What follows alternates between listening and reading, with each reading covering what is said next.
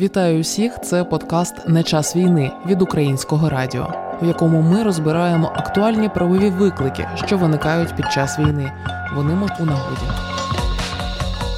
Вітаю всіх. Ви слухаєте Українське Радіо. У студії працюю я, Ірина Славінська. І сьогодні на часі наша розмова про права людей з України, українців та українок за кордоном, які існують правові можливості у тих, хто були змушені покинути свої домівки і переїхати за кордон. Про це ми розпитаємо мою співрозмовницю. З нами на зв'язку Олена Кібенко, суддя касаційного господарського суду у складі Верховного суду. І пані Олено, до вас перше запитання: уявимо собі людину, котра мусила з України виїхати за кордон у зв'язку з е, воєнними діями. Що робити далі? Як легалізуватися за кордоном? Е, добрий день, вітаю всіх наших слухачів. Е, питання дуже актуальне. Хочу нагадати, що зараз вже за кордони України виїхало більше 6 мільйонів українців.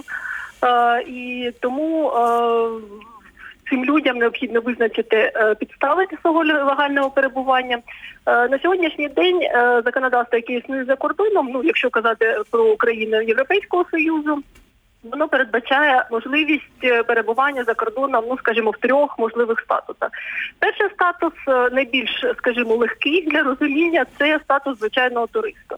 Е, але цей статус доступний не всім людям, а тим, хто має біометричний закордонний паспорт або закордонний паспорт з візою.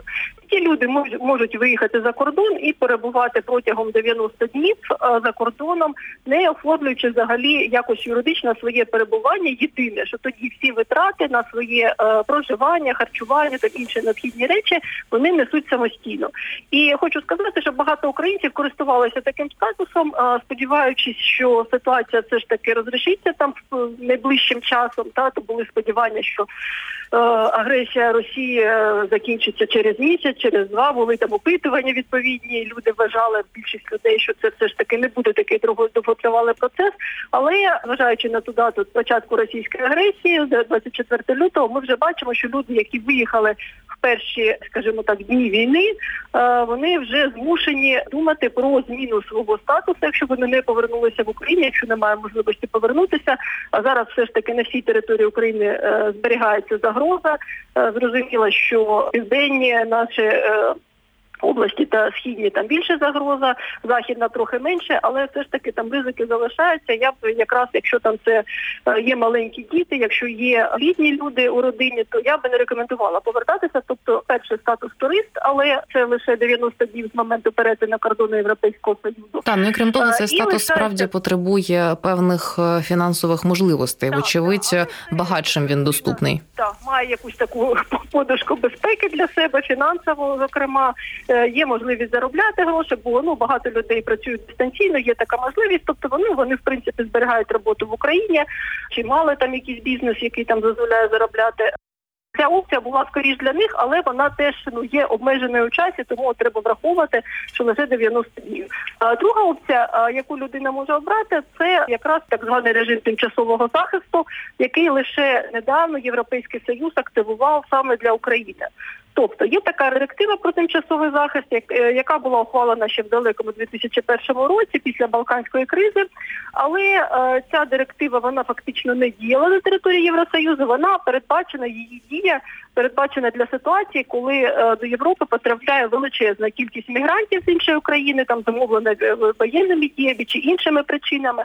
І для того, щоб швидко, скажімо, включити таких людей в економіку, забезпечити їм нормальний рівень життя, якраз от надається так, такий так званий тимчасовий захист. І е, коли в Україні почалися ці події, Євросоюз дуже швидко рішення від 4 березня 2022 року активізував, активував цю директиву саме для. України, і українці, крім загальновідомого статусу біженця, якраз можуть отримати цей тимчасовий захист. Бо багато людей, коли ну їхали тільки з України, вони дуже ну боялися, що ну одразу їм автоматично, скажімо так, буде наданий для запропонований статус біженця. Ну вони не хотіли цього, е, сподівалися повернутися для України. І от виникає питання, в чому різниця між цими двома статусами? Це дуже важливо.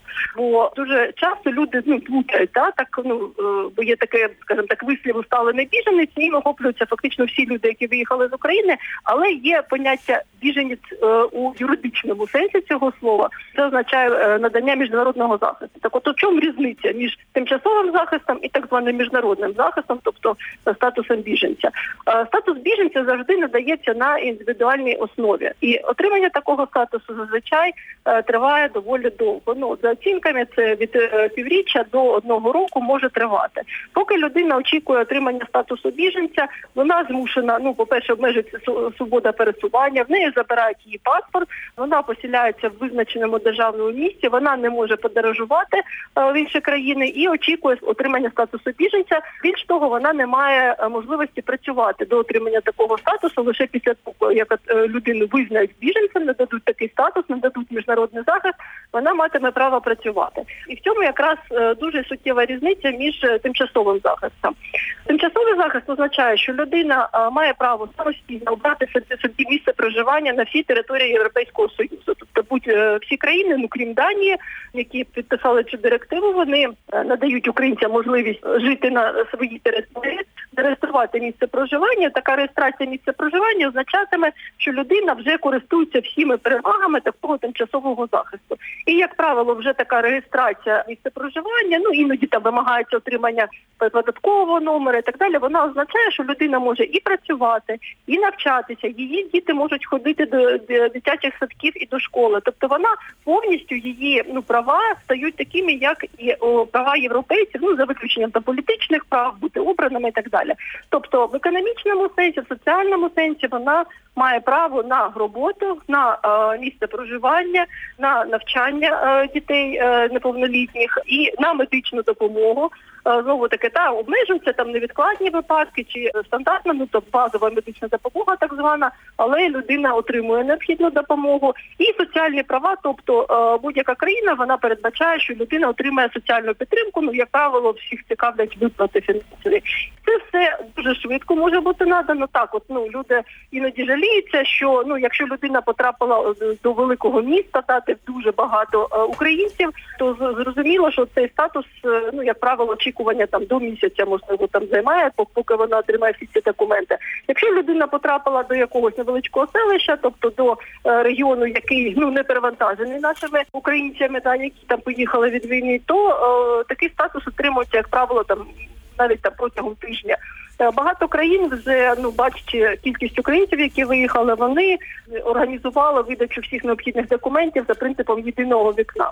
Тобто, спочатку, е, коли тільки ну цей статус був запроваджений, людина була змушена там ходити до різних державних органів, там чи органів місцевого самоврядування, окремо відвідувати банк, окремо відвідувати там органи соціального забезпечення. Потім вже е, створили от якраз за принципом єдиного вікна, що людина приходить, і в принципі за один день вона обходить всі ці інституції там представники яких сидять ну, у певному місці і приймають людей. І таким чином, в принципі, за один день вже не треба відвідувати там різні органи, шукати, куди звернутися, як заповнити документи.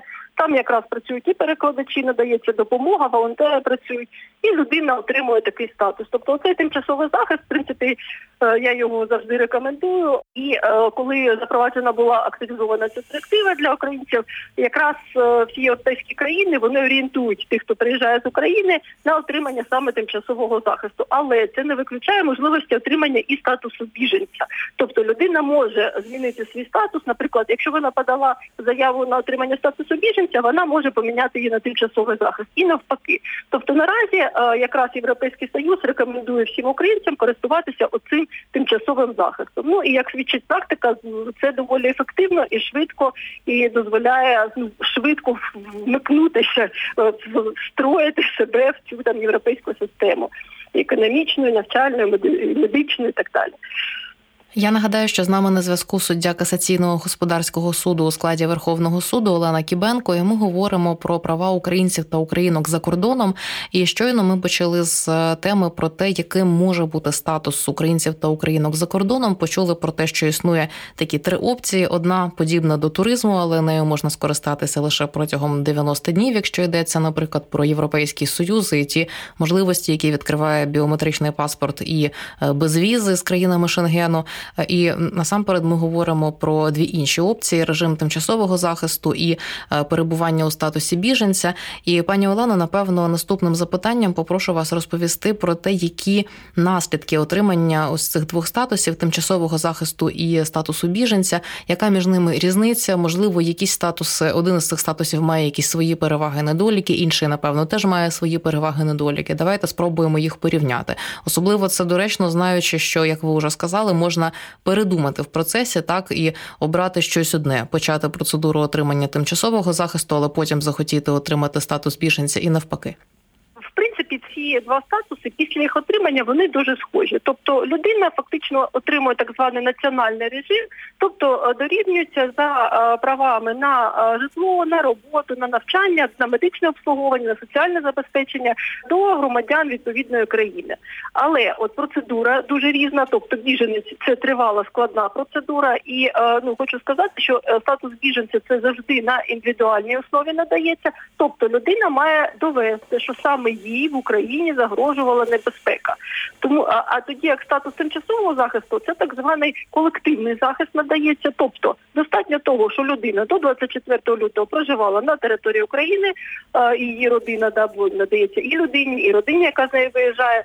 І після 24 лютого перетнула кордон України і рятуються від війни. Цього всього ну цього вже достатньо для того, щоб людини надали відповідний захист. Тобто не треба доводити персонально, не треба додавати докази, не треба проходити співбесіди. Тобто, це якраз от е, ну дуже така важлива відмінність цього статусу. Він колективний, він не вимагає від людини ніяких ніяких додаткових там збирання доказів, ніяких співбесід. Тобто він надається дуже швидко. Ну як Європа каже, автоматично можна сказати. Е, і е, друга дуже важлива відмінність це е, подорожі, це можливість там повертатися в Україну і так далі. Тобто свобода пересування. Біженець чітко зазначено. Ну і в міжнародних договорах, і в національному законодавстві будь-якої країни це вже усталена, скажімо так, підхід, усталений підхід, що біженець не може повертатися в країну свого походження. Тобто вважається, що якщо біженець повертається в країну свого походження, то він втрачає право на цей міжнародний захист, може бути позбавлений. Щодо тимчасового захисту, такої підстави немає. Якраз от дуже багато було запитань, коли ну, запровадили цей захист, чи може людина поїхати за межі Європейського Союзу, чи може людина виїхати за межі Шенгенської зони, чи може людина повернутися в Україну тимчасово і потім знову повернутися до Європейського Союзу. І от якраз тимчасовий захист, ну були ці питання відкритими. Ми навіть зверталися до Європейської комісії, щоб не дали роз'яснення. Е, і зараз вже ну більш-менш така усталена практика, що надання тимчасового захисту е, не забороняє людині виїжджати за межі Євросоюзу, за межі Шенгенської зони країн, повертатися тимчасово Україну, тобто забрати, наприклад, там речі, якісь родичів. Е, ну багато людей волонтерські якісь проекти реалізують, які потребують там перетинання кордону туди і назад там повернення. Тому е, от якраз цей статус він найбільш е, пристосований для того, щоб зберегти цю мобільність пересування як в межах Європейського союзу, так і поза його межами. Єдине, ну, на що я завжди орієнтую, що будь-яка країна національне законодавство може містити певну специфіку обмеження. Деякі країни е, вимагають, щоб е, людина, яка хоче поїхати, ну, наприклад, в Україну тимчасово отримувала дозвіл від міграційних органів. Він швидко надається. Це, така адміністративна процедура, нескладна. Тобто вона заявляє, що хоче поїхати, отримує дозвіл. Деякі країни обмежують термін перебування. Та ж Польща, наприклад, е, в законодавстві закріплено, що можна виїжджати на строк не більше 30 діб. Якщо людина більше 30 днів відсутня на території Польщі, то це теж може призвести до втрати статусу.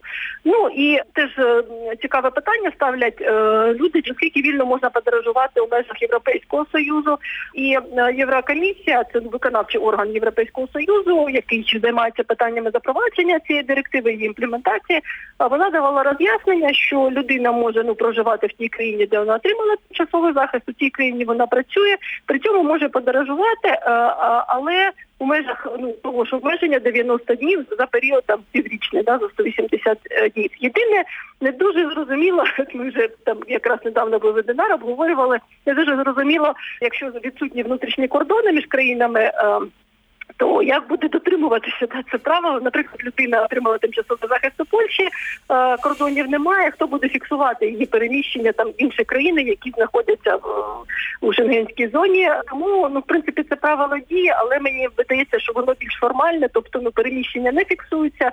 Е, єдине, ну, що буде фіксуватися, це е, виїзд за межі Євросоюзу. Але є країни, які є членами Євросоюзу і запровадили цю директиву, але не є членами Шенгенської зони, тобто е, це і Болгарія, і Румунія. Е, там є специфіка. Про це треба пам'ятати, що там є контроль е, на кордоні, і тут вже буде фіксуватися. Тобто, якщо людина отримала тимчасовий захист у Румунії чи Болгарії, то це правило 90 днів воно буде зберігатися і його можна буде проконтролювати.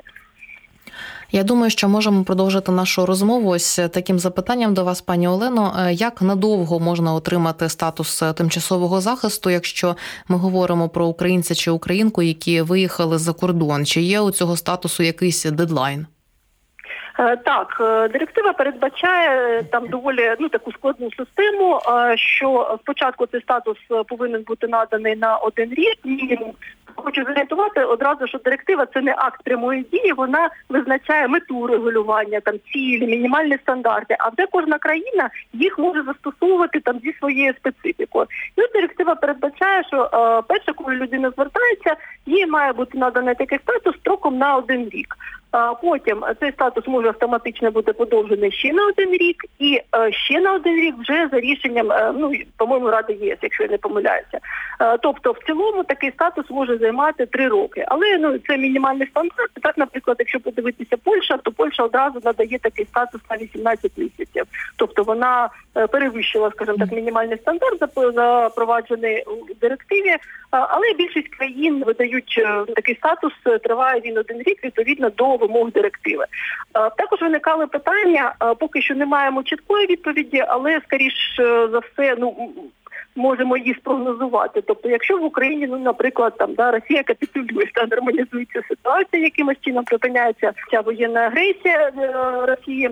Е, то протягом якого часу та люди мають повернутися. Тобто цей статус тимчасовий захист він в принципі зумовлений наявністю небезпеки на території України. Тобто, якщо небезпека, вона ну тобто обставини змінюються, небезпеки вже немає, то людина повинна повернутися. Єдине, що е, знову таки, виходячи з духу директиви, з тих положень директиви, які є, скоріш за все, наприклад, це не буде вимога про таке негайне повернення. Да, Там, наприклад, підписали ну, капітуляцію Росії, що ми дуже хочемо цього. От, і людина там через тиждень має повертатися. Ні. Тобто, якщо людині надано такий статус на один рік, то вона протягом цього року вже може там, я думаю, добути на території Європейського Союзу, а потім буде повернення. Тобто у ці питання повернення директива якраз орієнтує, що має бути добровільне рішення, що це не має бути ну якось примусово, да не можна так прийти сказати все там на завтра. Ви всі покидаєте територію Європейського Союзу. Тобто, це буде поступово, повільно. Тобто людина має підготуватися. Чому тому? Що ну користуючись таким статусом, людина працює, отримує житло, е, вступає в якісь е, там економічні зобов'язання, і зрозуміло, що там в один день це все ну, перервати неможливо і покинути цю країну. Тобто буде відомо, що, наприклад, припиняється дія цього статусу, і люди можуть повернутися до України. Ну більш того, наприклад, та ж Велика Британія, які зараз ну не є членом Європейського союзу, вона взагалі одразу запровадила там. Є дуже цікава програма домівка для України, за якою людина з України може отримати право на проживання довгострокову візу, е, користуючись там допомогою британського спонсора, це е, підданий Велика Британія, бо інша особа, яка ну, на таких же самих підставах перебуває в Великобританії, вона може надати свою домівку строком на 6 місяців, і от е, на підставі цього е, людина, українець, українка отримують е, право на довгострокову візу одразу строком на 3 роки. Тобто, якщо Європа оцей перший статус, ну там тимчасовий захист надає привісно на один рік, то Великобританія одразу цю дострокову візу надає строком на 3 роки, і в принципі людина 3 роки, незалежно від того, як будуть розвиватися розвиватися ці обставини в Україні, вона ну, буде перебувати на, на території Великобританії. Я нагадаю, що з нами на зв'язку Олена Кібенко, суддя касаційного господарського суду у складі Верховного суду. Ми говоримо про права українців та українок за кордоном і продовжуючи розмову про режим тимчасового захисту, е, згадаю про таку сюжетну лінію, яка вже у нас виникала. Це звичайно ж матеріальне забезпечення. Не всі люди однаково багаті, не у всіх є достатньо е, подушки безпеки для того, щоб себе забезпечувати за кордоном. Тому поставлю ось таке запитання: чи надає режим тимчасового захисту? Право на роботу тим, хто хочуть пошукати для себе роботу, і можливо є якісь інші соціальні гарантії, якісь е, виплати. Е, так, е, директива передбачає, що громадяни України мають право на соціальну підтримку. Ну, по-перше, е, кожен громадянин України, який отримав цей тимчасовий захист, він має право на роботу. Тобто, вже ніяких інших дозволів, якихось складних процедур, як раніше було для іноземців, і для українців, в тому числі, не передбачено. Тобто, отримання цього реєстрації місця проживання, як я вже сказала, це і право і працювати, і відкривати бізнес. Тобто, фактично щодо цих економічних економічних е, трудових прав особи дорівнюються до національних е, громадян, до е, мешканців тієї чи іншої країни. Єдине, що складно іноді буває знайти цю роботу без знання мов, але зараз багато дуже ресурсів пропонують різні вакансії.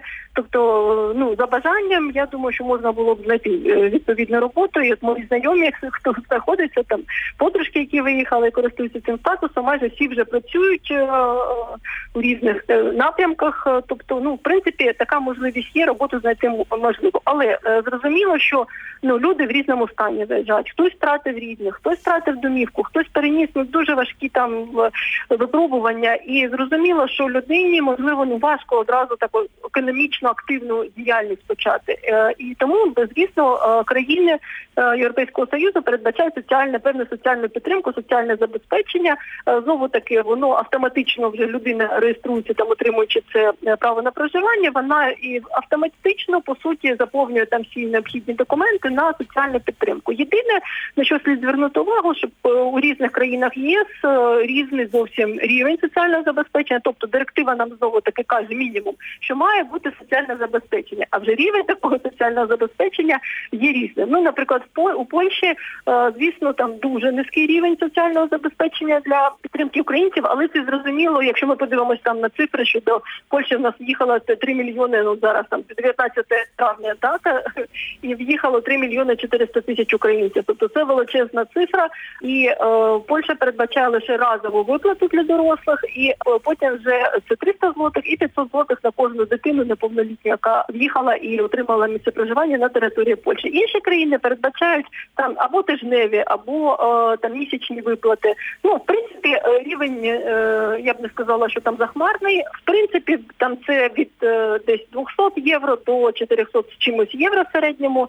І е, треба дізнаватися, бо різні країни по-різному, е, де в деяких країнах просто там стандартна виплата, де в деяких там воно йде диференційовано в залежності від членів родини, від неповнолітніх дітей. Ну і як правило, якщо людина знаходить роботу, то допомога ця соціальна вона припиняється. Тобто ця допомога, як правило, виплачується у разі, якщо людина не працює.